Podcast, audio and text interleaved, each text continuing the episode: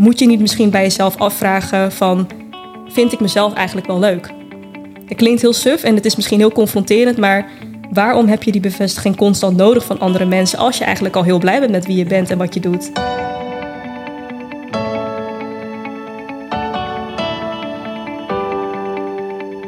Yes, welkom bij een nieuwe aflevering van Make. Mijn naam is Chris Pauw. Ik ben een filmmaker en fotograaf. En ik wil graag zoveel mogelijk leren van andere makers. Daarom ga ik in deze podcast in gesprek met creatieve makers die mij inspireren. In de hoop ook jou te inspireren om te blijven maken en groeien. En deze week ga ik in gesprek met Xiao Yang Zhao. Xiao Yang is illustrator, kunstenaar en activist. Met haar kunst en kleurrijke illustraties maakt ze dus niet alleen heel tof werk, maar wil ze ook echt iets vertellen. Want als feminist en activist hoopt ze door middel van haar kunst en persoonlijke verhalen meer bewustzijn te creëren en zo bij te dragen aan een meer gelijkwaardige en inclusieve samenleving. En zelf vind ik het echt heel inspirerend om te zien hoe zij dus kunst en activisme heeft verenigd met elkaar. En daar ben ik gewoon heel benieuwd naar haar verhaal en wat ik van haar mag leren vandaag. Dus uh, Xiao Yang, van harte welkom in de Make Podcast. Dankjewel. Wat heb jij een rustgevende stem naar te luisteren. Is dat zo? Ja, je zou echt zo'n soort van spirituele app kunnen inspreken, volgens mij. Welkom bij de meditatie. Ik zou je zo geloven. Echt? Oh, nou, wat leuk. Hey, thanks voor je komst. Ja, yes, dank je. Superleuk. Je hebt een drukke dag achter de rug. Zeker. Beetje bijgekomen? Ja, ik merk wel dat ik nu gelijk een stuk relaxer ben. Nou, laten we een mooi gesprek gaan voeren over alles wat je doet. Ik ben wel benieuwd, ja. Je doet heel veel en, en je vertelt ook heel veel op allerlei platformen. Wat vind je eigenlijk leuker? Gewoon praten over je werk of toch wel het maken zelf? Sowieso het maken is natuurlijk het allerleukste. Maar ik denk wel um, wat ik heel leuk vind wanneer ik praat, is inderdaad om anderen te inspireren met mijn verhaal. Omdat mijn verhaal eigenlijk niet volgens de boeken zijn gegaan, laat ik het zo zeggen. Nee, daar gaan we denk ik ook zeker wel wat dieper op, op induiken. Um, en als we het dan hebben over het creatieve aspect van, van, van jouw leven. Wanneer Wanneer voelde jij eigenlijk voor het eerst dat creativiteit een grote rol zou gaan spelen in jouw leven? Om eerlijk te zijn teken ik echt al sinds ik uh, kan ja, lopen eigenlijk. Um, hoe oud ben je dan? Ja, geen idee hoe oud ben je dan inderdaad. Ik denk een jaar of zo. Ja.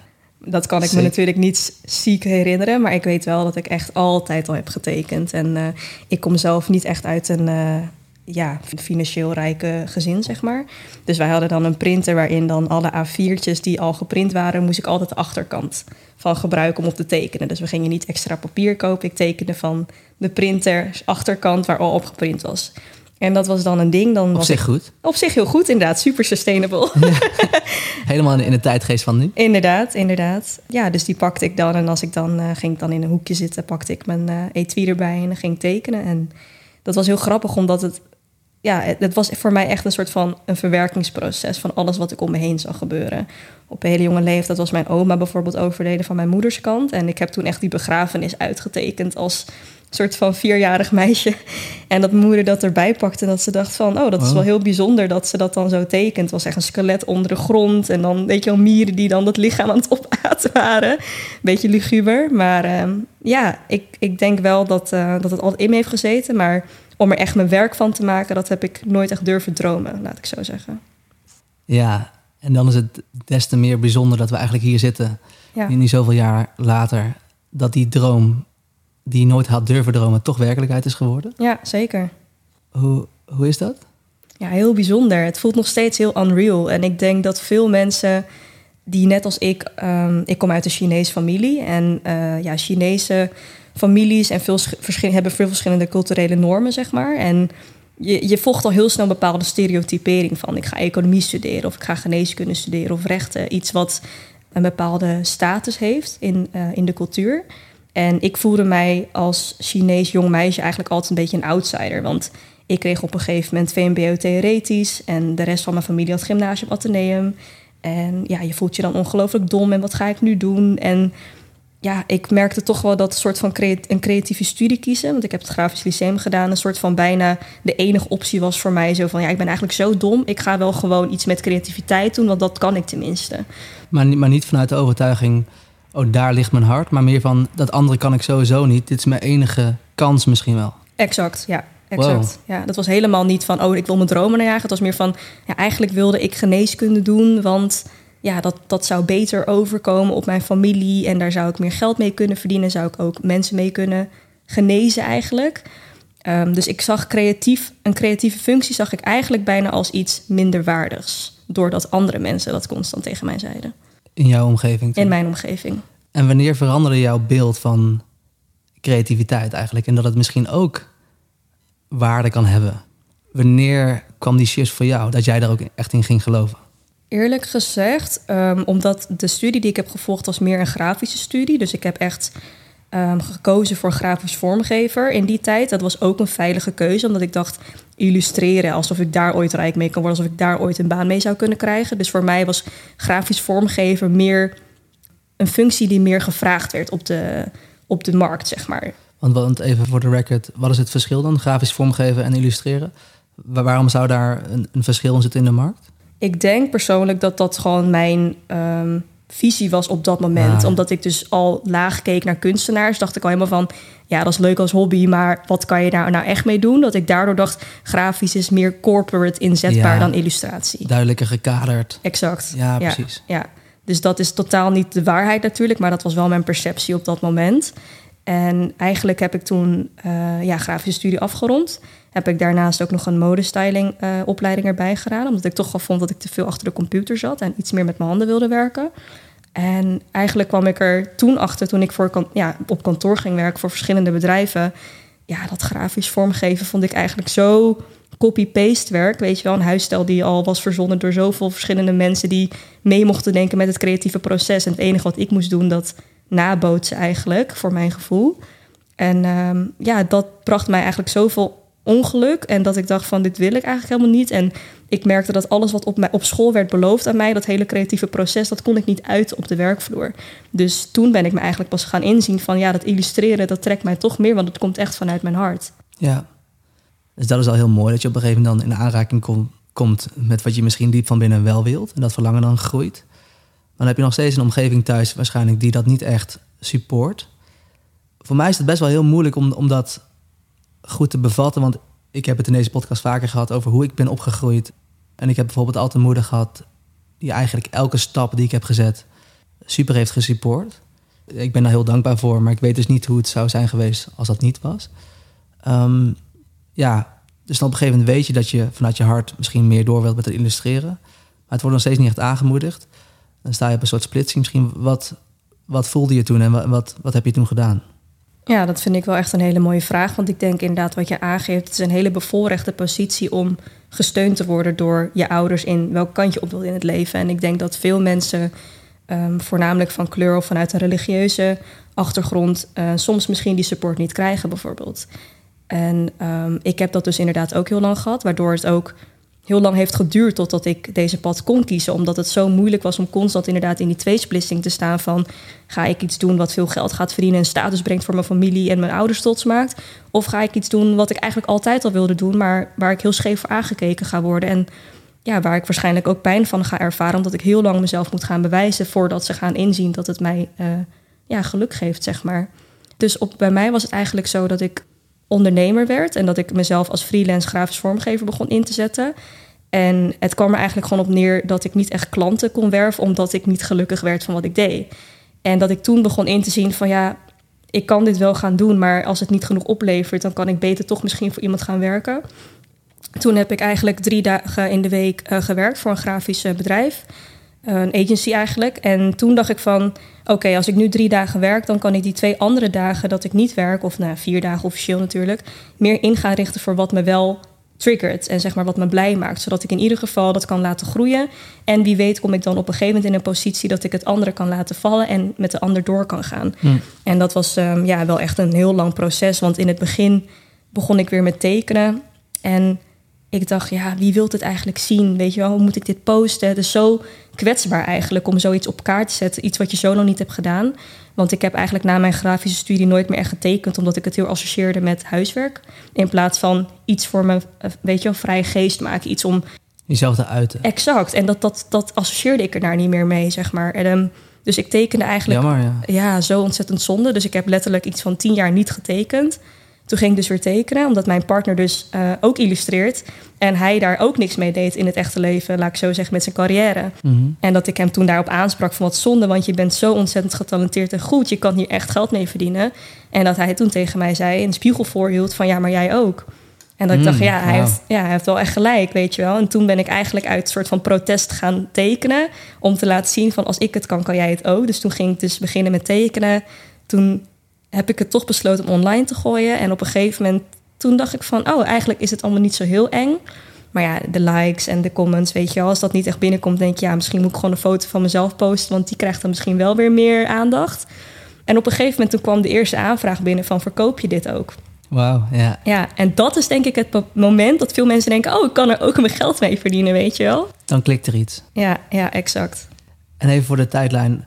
Hoe lang is dat moment geleden ongeveer? Eh, dat is nu denk ik ongeveer drie jaar geleden. Zo kort nog. Ja, heel kort hè? Wauw, wat is er dan veel gebeurd? Ja, Want ja, als ik nu naar je kijk en ik heb me de laatste dagen een beetje in jou verdiept, dan ben je iemand die heel veel doet, heel actief is en ook jezelf heel erg uitspreekt over allerlei maatschappelijke onderwerpen.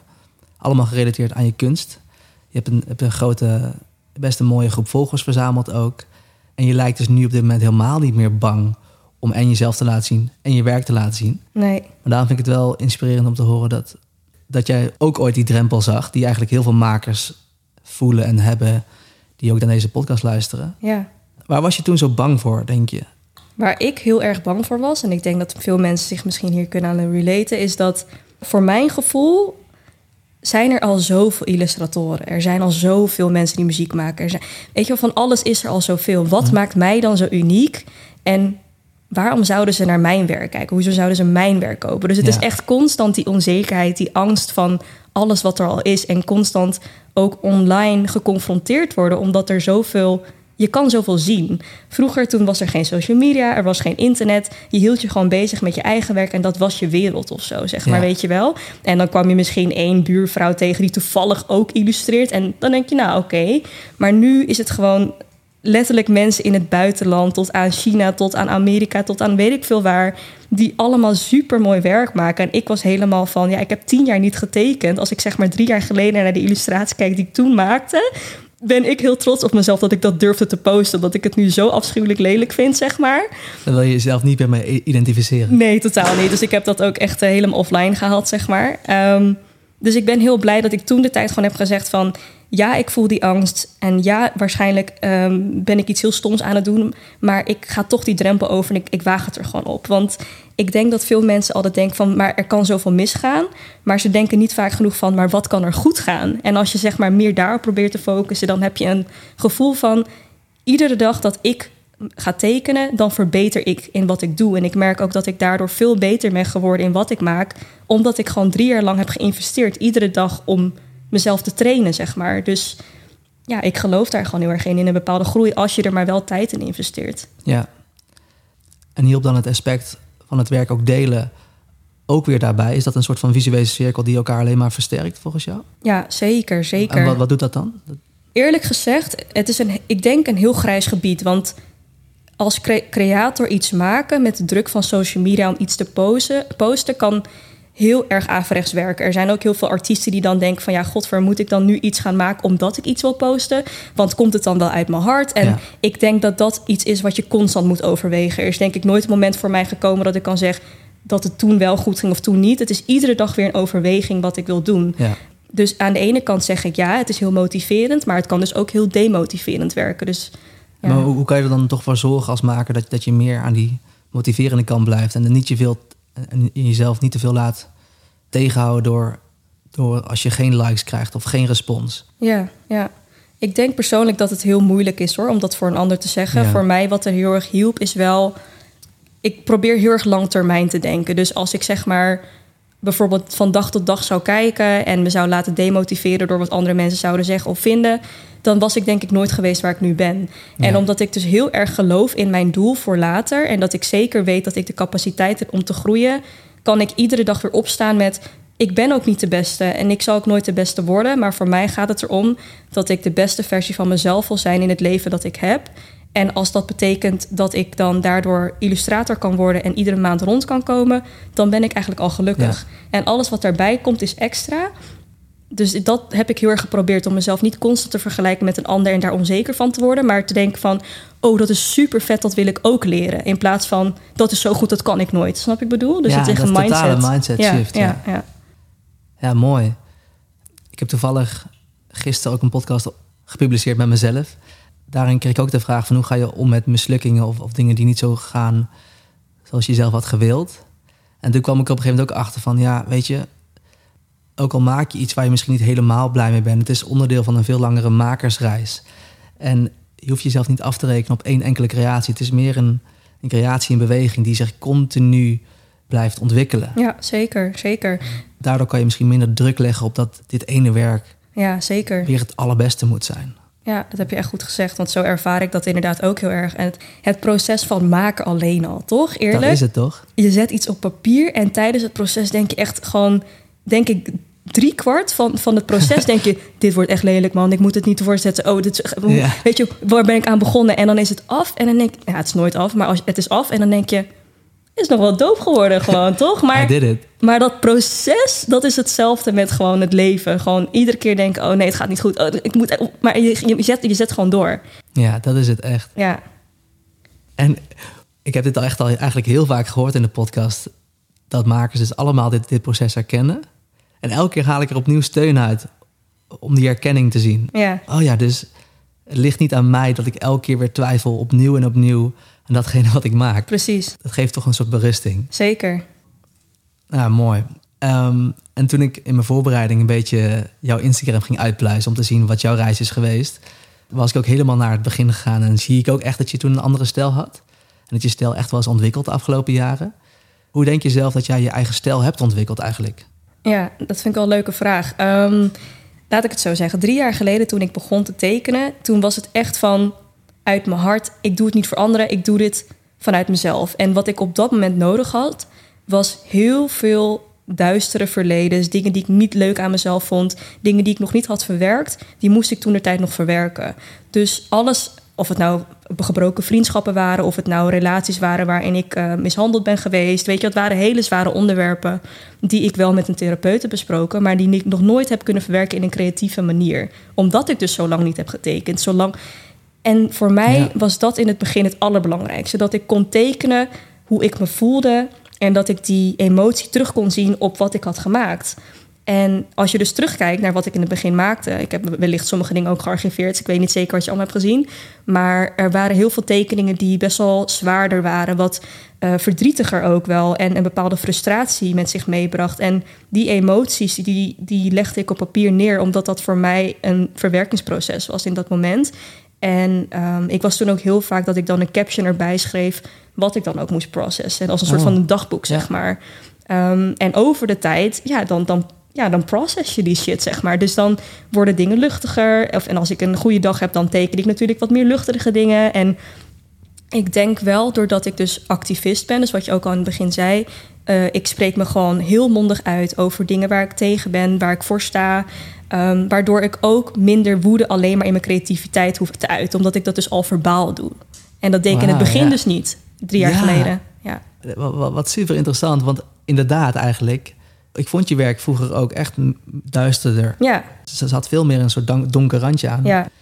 Maar wel heel grappig is dat de stijl van jouw kunst eigenlijk gelijkertijd is gegroeid met hoe je als persoon bent gegroeid en, en, sterker bent geworden. En ook misschien wel bent ge geheeld op bepaalde vlakken. En dat je dus ook meer ja, helende artworks kunt maken bijna. Ja, maar dat is precies wat het is. Als ik nu naar jouw werk kijk, het, het is ik kan er nu best wel vrolijk van worden ook. En ook, het geeft wel echt positieve energie ook nu. Ja, ja.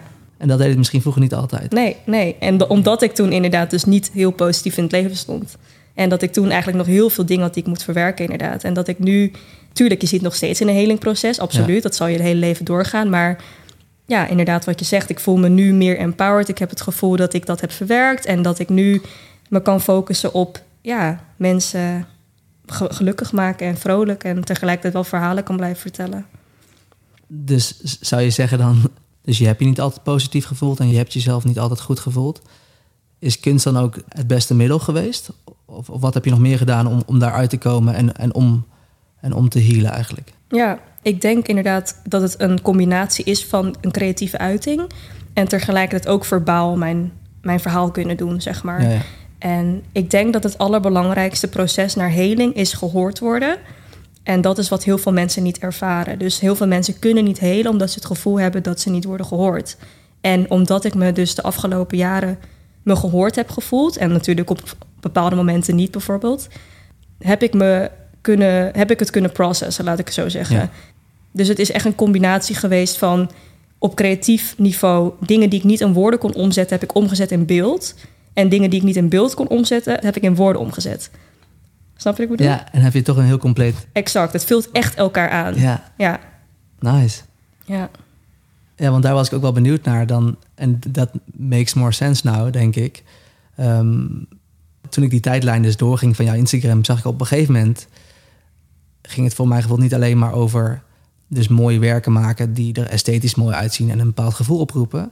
Maar wilde je ook echt iets gaan vertellen. Ja. En moest het iets gaan betekenen. Waarom vond je het belangrijk dat op een gegeven moment je kunst... ook een ander doel moest gaan dienen? Ja. Waarom heb je die keuze gemaakt? Ehm, laat ik zo zeggen. Eigenlijk is het zo dat drie jaar geleden was ik nog helemaal niet bezig met activisme. Ik was niet bezig met feminisme of racisme, for that matter, zeg maar. En in dat proces heb ik gewoon zoveel bijgeleerd over mezelf, wat me interesseert, over een bepaalde historie, over bepaalde kennis die mij nooit is meegegeven, bijvoorbeeld op school vanuit familie. Eh, onderwerpen die mij heel erg direct aangingen als vrouw, als vrouw van kleur. En dat ik toen eigenlijk be- begon in te zien hoe belangrijk beeldvorming is voor veel mensen waar ze onbewust niet bij stilstaan. Dus fotografie heeft daar natuurlijk een heel grote hand in, maar ook media, wat je ziet eh, op televisie, in het nieuws of presentatoren, het straatbeeld.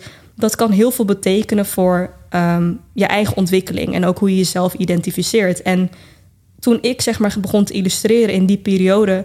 Ik ken niet echt een hele grote Chinese kunstenaar in Nederland bijvoorbeeld, weet je. Of ik ken geen Chinese illustrator, illustrator die heel groot is. Dus ik had niet echt iemand om naar op te kijken in die periode. Ehm, en dat ik toen heel erg dacht van ja, je kan wel altijd wachten op iemand, maar misschien ben jij diegene wel gewoon.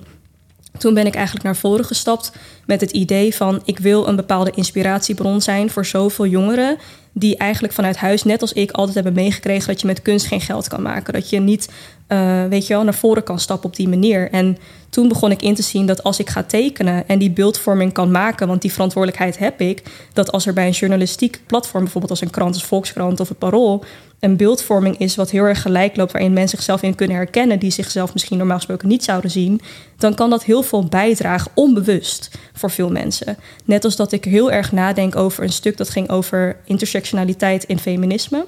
En dat, Dat, houdt... dat, dat woord snap ik nooit. Nee, maakt niet uit. Intersectionaliteit betekent eigenlijk dat als je voor een bepaalde mar- gemarginaliseerde groep strijdt, dat je alle groepen meepakt. Dus veel vrouwen die zeggen, ja, ik strijd voor vrouwenrechten. Maar als je voor vrouwenrechten strijdt, dan hoor je ook voor mensen van kleur te strijden. Want het raakt elkaar aan in dat proces, zeg ja. maar. En daar ging dat krantartikel over. En toen hebben ze dat bij mij neergelegd, wat ik heel fijn vond.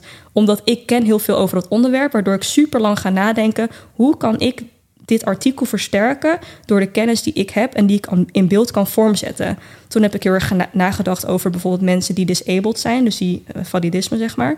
Eh, dan toen dacht ik, oké, ik moet een vrouw in een rolstoel neerzetten die niet als zielig wordt bestempeld, maar echt een mooie vrouw die goed verzorgd is, die heel aantrekkelijk is, maar die toevallig wel in een rolstoel zit. Terwijl misschien een andere persoon daar nooit over na had gedacht. Van nou, ik teken gewoon iemand en dan is het klaar. Hmm. Maar voor mij, ik kan daar gewoon urenlang tot aan dagenlang aan denken voordat ik ga beginnen van ik wil zeker weten dat iemand die dit ziet er gelukkig van wordt en dat, ze, dat ik het probleem begrijp. Weet je wat ik bedoel?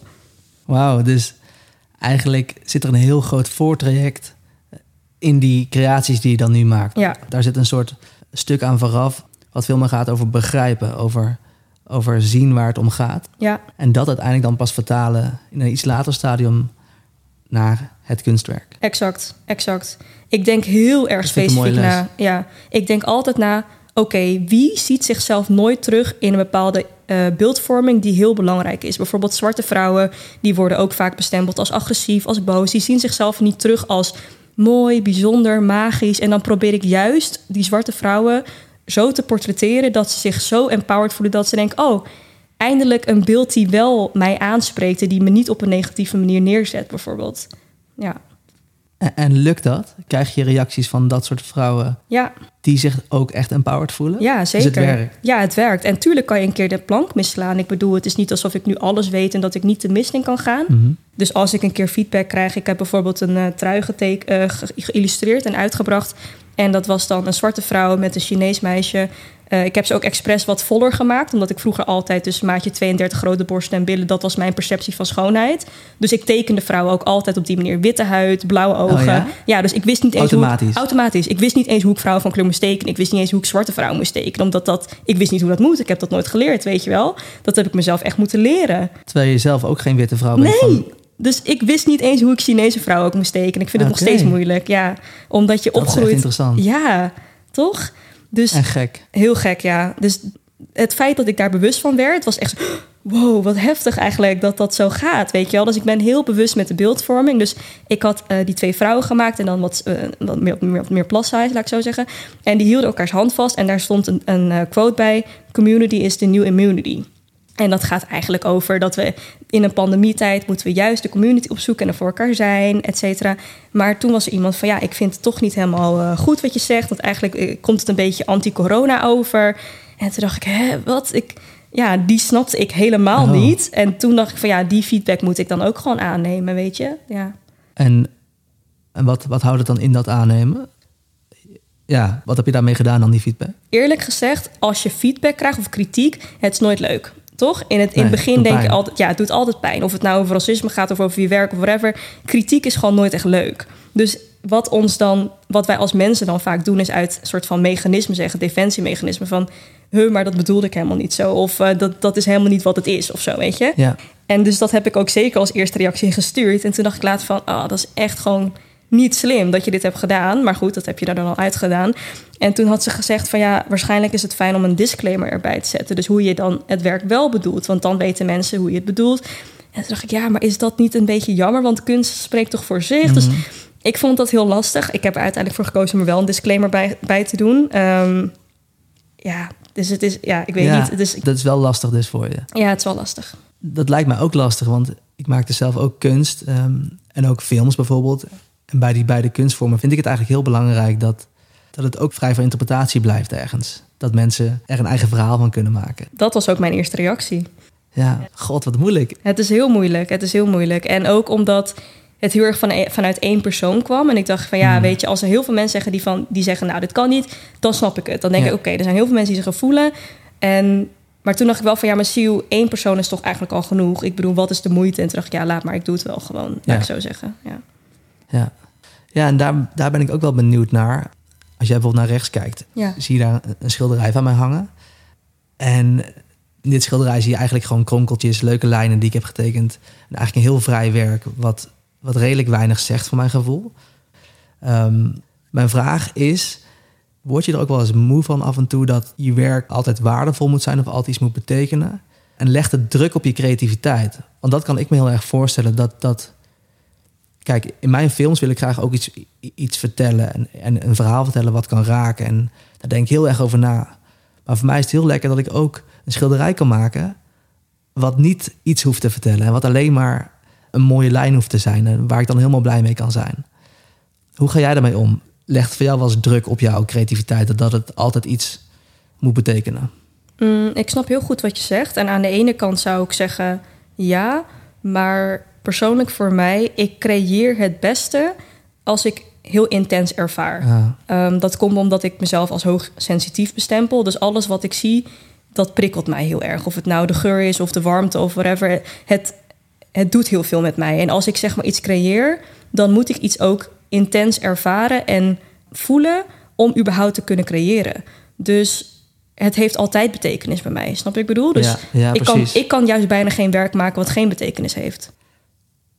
Ja, het is niet dat het een externe druk is. Het is Nee. juist wat je eigenlijk van binnen gewoon wilt en ook wat voor jou het juist is om, om te doen. Precies, precies. Ja, precies. Ja, cool. Dan, dan snap ik het wel. Ehm, ik vind het ook wel leuk om even te kijken naar, naar wat jouw... Ja, in deze podcast spreek ik makers en ook ondernemers. Want eigenlijk heel veel makers zijn ook ondernemer. Jij bent dus ook freelancer. Ik vind het ook wel leuk om daar wat vragen over te stellen.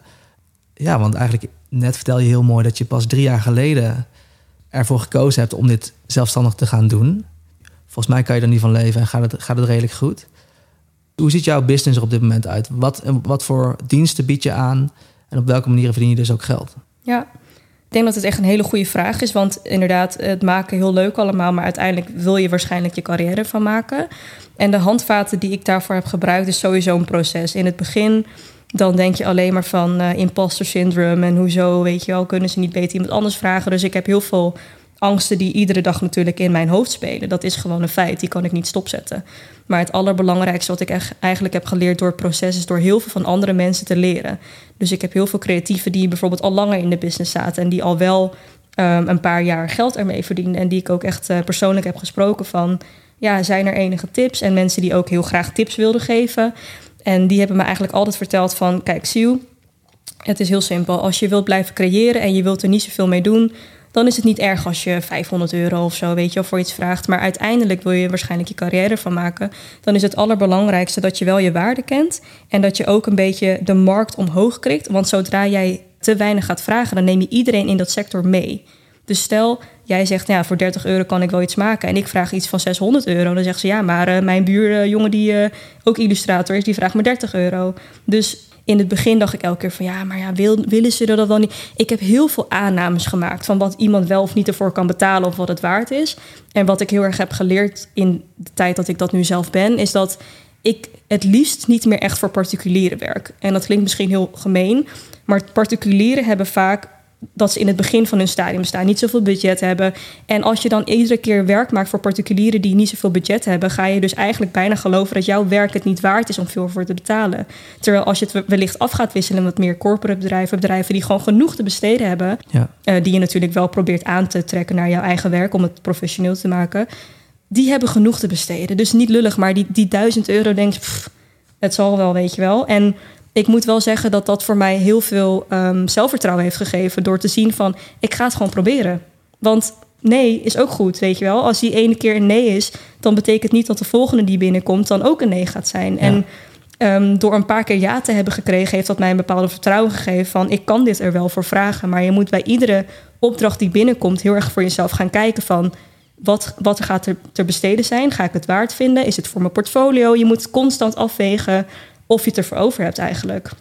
Ja, ja mooi. En, en hoe heb je dan die transitie gemaakt van voor particuliere werken en dan toch voor meer corporate of wat grotere partijen? Mm Ben je die partijen gaan benaderen of, hoe heb je dat soort nieuwe klanten gevonden dan? Hoe, ja. hoe deed je dat? Um, nou, om heel eerlijk te zijn, ik zit best wel in een luxe positie waarin ik zelf nooit acquisitie heb gedaan. Um, dat komt ook omdat ik ik geloof er heel erg in dat als ik mezelf zo kan profileren dat mensen mij kunnen vinden, dat ik dan geen acquisitie hoef te doen. En dat is eigenlijk tot nu toe hoe het ook altijd is gegaan. Maar acquisitie betekent misschien ook jezelf verkopen. Of het nou inderdaad direct is naar de, naar de organisator toe. Of inderdaad jezelf profileren op Instagram. Bijvoorbeeld wat ik heb gedaan. Dus in die zin heb ik wel acquisitie gedaan. door mezelf zo te profileren op Instagram dat ik zichtbaar werd. En, dat zie je als een marketingkanaal ook. Ja, dat zie ik zeker als een marketingkanaal. Dat is mijn marketingkanaal. Ik zou niet weten waar ik meer opdracht van heb doorgekregen dan Instagram eigenlijk. Ah. Ja, zeker. Um, laat ik zo zeggen. Ik hou wel van social media, omdat ik nu onder de knie heb hoe ik het moet gebruiken. Maar ik heb ook heel lang tegenaan geschopt, dat wil ik niet, weet je wel. En ik denk dat het allerbelangrijkste is als maker dat je niet constant een soort van je voet tegen alles aanloopt te schoppen, maar dat je gewoon probeert te omarmen wat voor platformen er zijn en hoe je deze kan inzetten om je eigen uh, doelgroep te ver verbreden, zeg maar. En hoe je eigenlijk je bereik kan vergroten door juist die gratis platformen te gebruiken die zoveel kunnen leveren. Maar je moet er wel voor gaan. Je moet wel input geven. Ja, want dat vind ik, dat is ook echt iets wat ik, wat ik bewonder aan jou. En waar ik me ook echt van afvraag, van, fuck, hoe doet ze dat?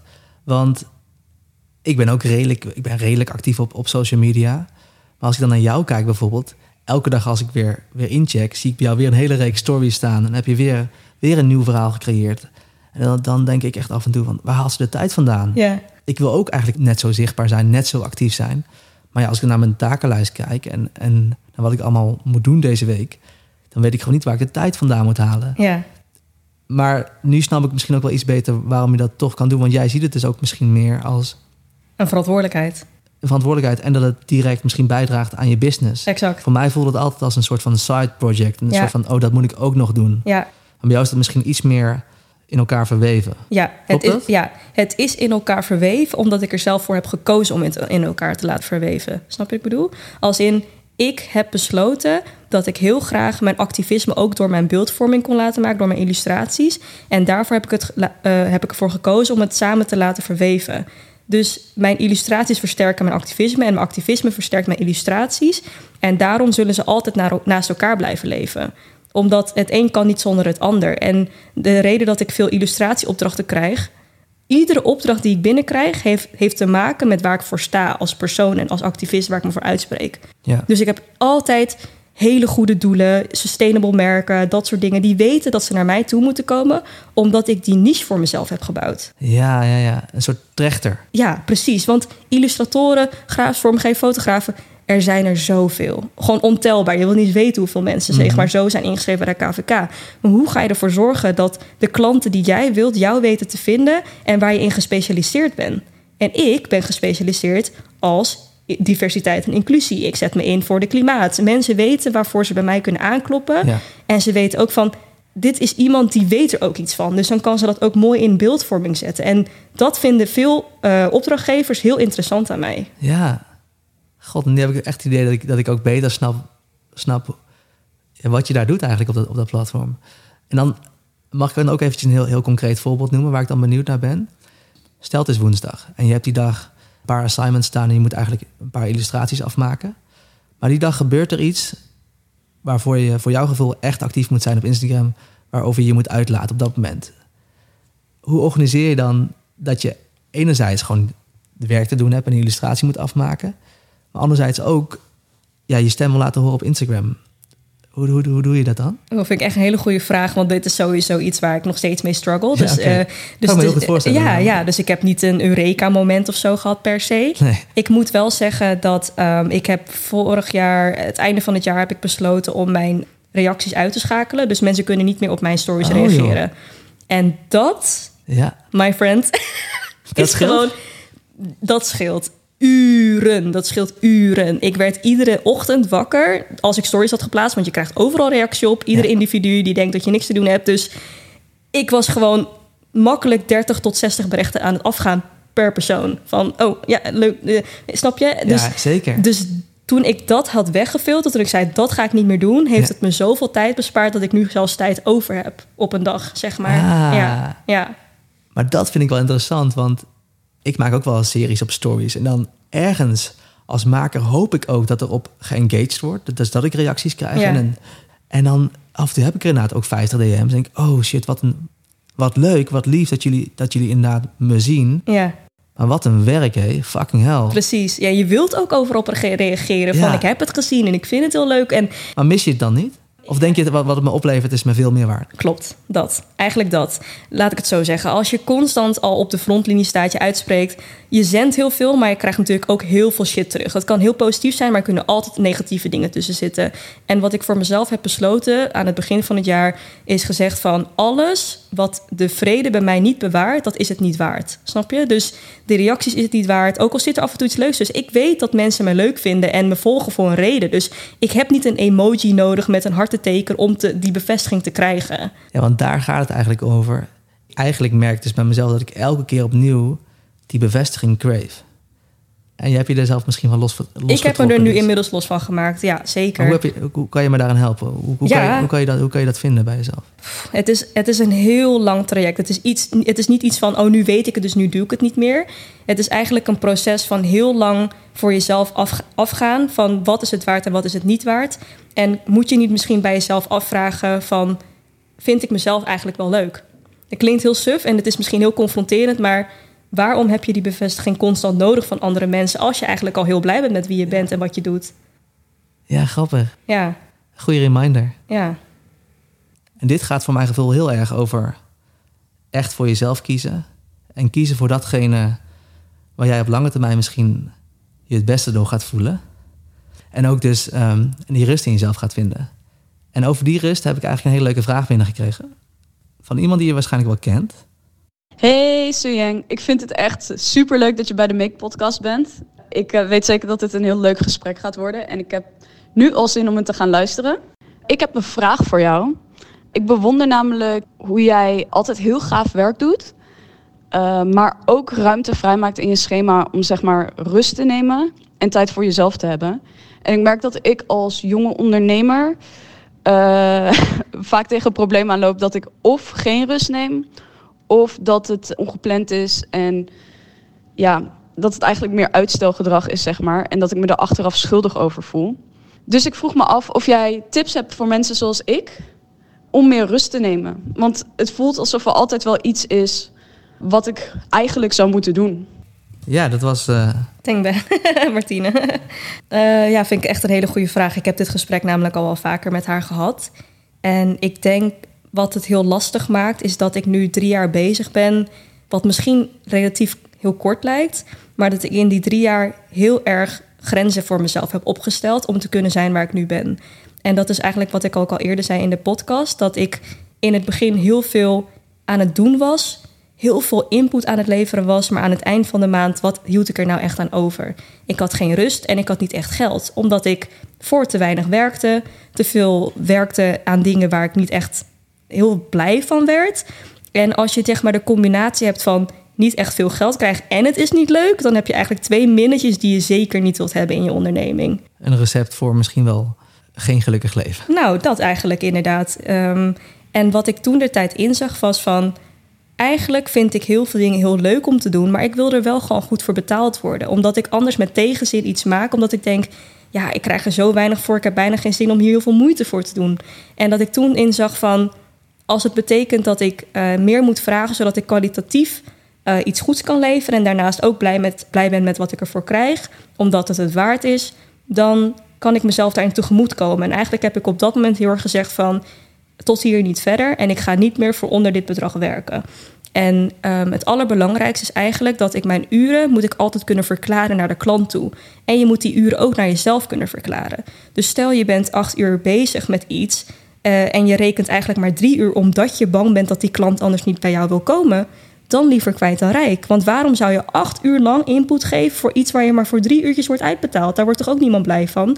Daarnaast, ook wat ik al eerder zei, is dat als jij te weinig rekent, dan haal je dus eigenlijk iedereen in jouw sector omlaag. Omdat de opdrachtgever daardoor gaat denken dat het eigenlijk heel weinig tijd kost. Omdat, ja, het is maar drie uurtjes uh, waar ik voor heb moeten betalen. Terwijl als je iedere keer gewoon standvastig zegt: dit is mijn tarief en dit is wat ik ervoor wil krijgen. Dan weet je ook dat de opdrachtgever zegt van: oh, maar hoezo? Hoe kun je die uren verklaren? Want ik vind het best wel veel geld dan kan je eigenlijk zeggen van, nou dat komt omdat inderdaad, uh, ik moet mijn eigen administratie bijhouden, ik moet eerst brainstormen, ik moet afhandelingen doen, ik moet schetsen doen. En eigenlijk die hele waslijst van wat er dus vooraf gaat als maker, want heel veel mensen staan er niet bij stil, die zien alleen eindresultaat, die kun je dus eigenlijk verklaren, waardoor zij veel beter beeld krijgen van de uren, waarvoor ze eigenlijk betalen. En daarnaast heb je natuurlijk ook als maker, een beeldmaker, recht op licentierechten. Dus naast dat je zeg maar de maakprijs rekent, reken je vaak ook nog 30% van die licentie, omdat jouw beeld die draagt bij aan het geld wat ze eraan verdienen. En als je dan één keer betaald wordt voor de maakprijs, dan komt dat eigenlijk helemaal niet overeen met de waarde die het gaat geven voor het bedrijf. Stel je maakt een logo bijvoorbeeld, dan is het niet alleen de maakprijs die ze zouden moeten betalen, maar ook de, uh, de licentie die daar overheen komt. Omdat ze op iedere product die ze gaan maken, zullen ze die logo opnieuw gebruiken. Dus dat is eigenlijk een beetje de verklaring die je dan ook moet afleggen naar de opdrachtgever. Ja, ja, ja. Dus hebt bijvoorbeeld op dit moment ligt er een hele mooie chocoladereep bij Stag. Ja. Nou, die zie ik heel veel voorbij komen trouwens. En ook, ik heb een paar keer zien liggen. Nog niet geproefd trouwens. Maar um, dat is zo'n voorbeeld eigenlijk daarvan. Exact. Van, die chocoladereep wordt opnieuw en opnieuw gemaakt. Exact. Daar zouden eigenlijk royalties overheen moeten gaan. Maar omdat ze dus zoveel chocoladerepen hebben... hebben ze gezegd van dat kunnen wij echt helaas niet veroorloven. Dus we betalen in één keer gewoon een flink bedrag... En dan is dat oké. Maar dat is wel iets wat je samen overeen moet komen. En bewust onderhandeld en kijk, kijk wat er mogelijk is. Exact, omdat ik dacht, voor mij in ieder geval, Stag was een goed voorbeeld, voorbeeld van... dat is iets wat voor zoveel mensen bekend is... waar ze gewoon fysiek naar een winkel kunnen lopen en mijn werk daar zien liggen... dat het heel veel gaat bijdragen voor eventueel nieuwe opdrachtgevers... die mijn werk daar zien liggen. Het valideert echt. Exact, dus het gaat zeg maar weer nieuwe klanten aanbieden. En ik denk dat dat is wat ik ook eerder zei. Iedere keer dat er weer een opdracht bij je binnenkomt... moet je voor jezelf gewoon heel erg nagaan van wat wil je eruit halen en wat hebben zij jou te bieden en kun je met elkaar overeenkomen? En eigenlijk als je dus twee keer die minnetjes hebt, dus van en het maakt me niet gelukkig en ik krijg er niks voor en het is niet goed voor mijn portfolio, zeg dan gewoon nee. Weggaan, ja. Ja, ja. ja. En zo hou je ook meer tijd over om te rusten. En dan komen we bij die vraag van, van Martina uit. Ja, Dat heeft direct effect gehad op, op, op dat jij ook meer rust kunt inplannen. exact. Omdat ik dus vaker nee kan zeggen. Ja, Ja, oké, maar dan alsnog. Ik ben ook bijvoorbeeld nu heel kritisch op, op waar ik mijn energie in stop. En ik heb liever een lege agenda dan een volgeplande agenda. ik ook. Alleen, dan vind ik het nog steeds moeilijk op een dag dat ik een lege agenda heb, om dan ook niks te doen, om mezelf rust te gunnen. Ja, Snap je? Dus in het moment zelf wil ik het, wil ik het dan alsnog mezelf nuttig maken in die tijd. ja, En als mij vraag, bedoelt ze dat ook wel een beetje van, oké, hoe zorg je dan... Oké, die tijd heb je dan gecreëerd voor jezelf door vaker nee te zeggen. ja, Maar hoe zorg je dan de volgende stap ook echt voor dat je die tijd reserveert voor jezelf? ja. Ik denk voor, voor een maker of als ondernemer... een volledige rust, die ervaar ik nooit. Dat is iets wat ik heel voorop wil stellen. Ik rust nooit helemaal wat niks te maken heeft met mijn Ja. met mijn business. Dat is misschien voor iedereen anders, maar voor mij als persoon, ik ben altijd aan het werk, ook al ervaar ik het niet als werk. En ik denk dat toch, zeg maar, het wondermiddel is van door gewoon relaxed te zijn, is omdat je heel vaak je werk niet als werk ervaart.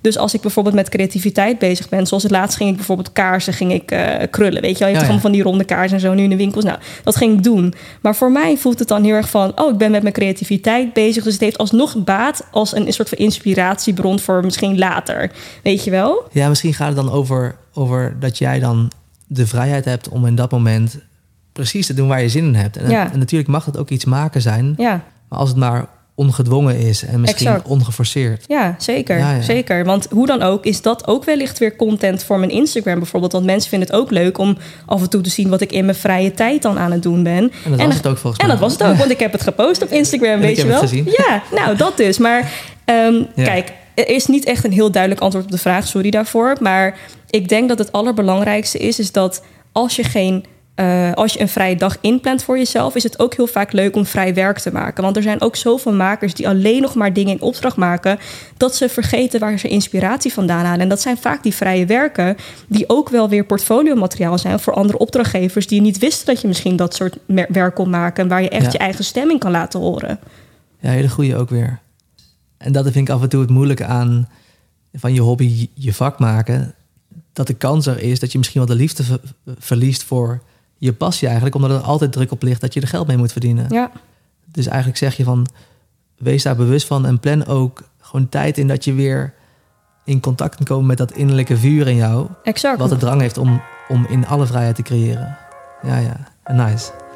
Ik, die ga ik even opschrijven straks. ja, en hier Chris vanuit de montage. Want toen ik gisteren de podcast liet horen aan Xiu Yang... wilde ze heel graag nog even één stukje toevoegen... aan haar antwoord op de vraag van Teng Bei. Dus bij deze... Daarnaast vind ik het ook heel belangrijk om overproductiviteit niet blind te promoten. Ik probeer mijn dagen zo in te plannen dat ik van maandag tot en met vrijdag overdags aan het werk ben. Waardoor ik s'avonds tijd heb om rustig te koken, waardoor ik mijn hoofd ook compleet leeg kan maken. En daarna gewoon neer kan ploffen op de bank met een serie of boek. Ik ben opgegroeid met spiritualiteit en ben ook rustiger geworden door de quarantaine. Waardoor ik mijn tijd zo breed mogelijk probeer in te plannen. Om niet te hoeven haasten en tijd over heb voor bordspelletjes bijvoorbeeld. Of een eh, lange skincare ritueel. Of bijvoorbeeld mijn nagels te lakken. Ook doe ik wel eens veel wandelen of fietsen met mijn vriend. En ik probeer ook gewoon stil te staan op zo'n dag in een natuurgebied. En even te rela- relativeren dat ik degene ben die mezelf druk oplegt. In plaats van ja, constant te rennen, maar gewoon even te zijn. Ja, mooi. Mooie aanvulling, dankjewel. Dan gaan we nu verder met de podcast en met mijn volgende vraag. Ehm, om nog eventjes terug te gaan op het punt wat je hiervoor maakte over eh, dus echt gaan staan voor die prijs die je, waard, die je zelf waard vindt. Stel nou, een maker hoort dit en die denkt van inderdaad, Sio, je hebt gelijk. Ik ga vanaf nu mijn prijs met zoveel procent verhogen. En komt er daarna achter dat eigenlijk die klanten dan op een gegeven moment toch daardoor niet meer willen terugkomen bij diegene. Wat zou je dan tegen diegene zeggen? Eigenlijk is het zo dat deze stap, wat je net benoemde, dus dat je je prijs gaat verhogen, is eigenlijk de tweede stap. De eerste stap is eigenlijk die niche bouwen en je stijl dus zeg maar zo uniek maken dat ze niet om jou heen kunnen en nooit dezelfde resultaten zullen kunnen behalen als ze een ander vragen. Ja, want je bent, omdat jij zo'n unieke mix hebt gecreëerd, aan de enerzijds kennis, stijl en ook kwaliteit, dat kan je niet ergens anders krijgen. Exact. Dus eigenlijk kan je pas je, je prijzen verhogen als jij een niche voor jezelf gebouwd en voor jezelf hebt geprofileerd, waarom ze jou specifiek zouden moeten krijgen. Want anders zouden ze inderdaad nog bij misschien tientallen andere fotografen of iets dergelijks kunnen aankloppen. Maar als jij een soort van formule voor jezelf hebt gebouwd van dit maakt mij uniek, dan zal je altijd je waarde omhoog kunnen zetten, omdat er is niemand anders als jij. En dat, daarvoor zullen ze meer betalen. En stel je luisteren 5000 makers naar. Zijn er 5000 totaal unieke profielen te bedenken? Ja, daar geloof ik echt in. Omdat er is maar één van jou. En dat klinkt echt super live, love, love quote. Maar er is letterlijk maar één persoon als jij. En niemand heeft dezelfde, hetzelfde leven bewandeld zoals dat jij dat doet. Jouw achtergrond is heel anders dan mijn achtergrond en et cetera. En jij staat weer voor hele andere dingen dan ik misschien. En dat maakt jou uniek als maker. En als jij een opdrachtgever kunt vinden die dezelfde normen en waarden draagt en jouw verhaal interessant vindt, daarom vind ik persoonlijk maken ook zo belangrijk. Want dat is wat jou als maker ook zo interessant zou maken. Mooi. We begonnen dit gesprek eigenlijk met, met jou, met een stukje van jouw persoonlijke verhaal. En dat je jaren geleden misschien niet wist dat creativiteit zo belangrijk voor je kon zijn en dat het zo waardevol kon zijn. Als ik je nu op dit moment zou vragen wat, wat creativiteit voor jou betekent, wat zou je dan zeggen? Ik denk dat creativiteit voor mij betekent is dat ik me kan uiten in beelden die echt vanuit mijn hart komen en waar ik inderdaad geen woorden aan vuil hoef te maken. Dus dat ik eigenlijk alles wat ik gewoon heel diep in mijn hart voel, maar niet kan verklaren, waar ik eigenlijk geen woorden voor heb, dat ik dat kan omzetten in beeld. En dat ik dat gevoel niet eens in woorden, maar in emotie kan overbrengen aan de, degene die er naar kijkt, zeg maar. Dat is voor mij echt iets heel bijzonders. En dat vind ik wel, ja, creativiteit eigenlijk. Iets wat echt uit je eigen handen komt. Ja. En wat zou je tegen die jonge mensen willen zeggen die misschien ook in een omgeving opgroeien, die niet altijd worden gesupport door, door hun omgeving? En waarvan de ouders misschien ook niet achter de stappen staan die ze willen gaan zetten. Hoe zou je die, die mensen nog wat moed in kunnen spreken? Ja, ik denk dat het allerbelangrijkste is, en dat is denk ik voor iedereen, maar inderdaad specifiek voor um, deze mensen, is dat uiteindelijk is het zo dat je komt nergens echt in het leven als je niet volledig in jezelf gelooft. En dat is ook weer een cliché-opmerking, maar dat is wel echt feitelijk wat het is. Als ik dit nooit had doorgezet, als ik me iedere keer liet afbreken door ieder persoon die tegen mij heeft gezegd: wat een onzin, wat een kinderdroom, dat gaat nooit lukken, dan was ik gewoon niet waar ik nu was geweest. Maar omdat ik er zo standvastig in ben geweest van: dit gaat mij lukken en ik ga er alles aan doen, want je moet echt 150% ervoor willen gaan als je iets wil bereiken. Je moet iedere dag opstaan met: ik ga ervoor. En als je dat niet hebt, dus, dus die passie is er niet genoeg, dan is het wellicht niet jouw passie. Dat kan. Dan is het misschien meer een hobby. Maar voor mij illustrator worden, eh, educator worden, dat ik lectures kan geven en mensen kan inspireren, is voor mij zo'n groot doel in mijn leven dat ik dit de rest van mijn leven kan aanhouden. En op die manier zullen mensen ook zien hoe serieus ik ermee omga. En dat ze echt zien van, wow, ze wil er echt voor gaan. En daardoor eigenlijk ook heel snel bijdraaien, omdat ze zien dat ik er succesvol in word. Omdat ik, ik kan me niet niks anders voorstellen wat ik in mijn leven moet doen of zo. Hmm. Snap je wat ik bedoel? Dus het, het, belangrijkste tip en inspiratie wat ik mee kan geven, is dat je er gewoon 100.000 procent voor moet gaan. En dat je nooit genoeg weet. Dus je moet iedere dag bijleren. Je moet verhalen luisteren, dingen. Je moet wel openstaan voor feedback en jezelf constant proberen te verbeteren en mee te gaan met de tijd. En ja, dat, dat, dat is wel heel belangrijk, denk ik. Ja, ja mooi. Je zegt ook, ik sta dus elke dag op met dat vuur om te werken aan mijn grote doel. En daar werk je keihard voor. Wanneer is voor jouw gevoel dat doel bereikt? Wanneer, ja, wanneer, wanneer ben je daar? Ik weet niet of het één specifiek doel is um, dat ik ergens ben. Het gaat voor mij namelijk veel meer om het proces. Dus inderdaad, wat we net al zeiden, het proces van kut, het is echt super lelijk en waarom zet ik hiermee door? En dan het toch weer mee doorgaan en dan iedere keer weer beseffen van alles waarvan ik altijd had gedacht dat het nooit zou lukken, is me gelukt. En een kleine zegeviering, al is het een akkoord op een offerte die je eruit hebt gestuurd, is toch weer van yes, dat had ik gewoon niet zien aankomen. En dat geeft dan weer een soort van nieuwe motivatie om de volgende keer weer iets te doen waarvan je dacht dat je het nooit kon. En om dat te blijven herhalen, dat brengt toch wel een bepaalde genoegdoening. Dat uiteindelijk, ja, de sky is the limit. Weet je wat ik bedoel?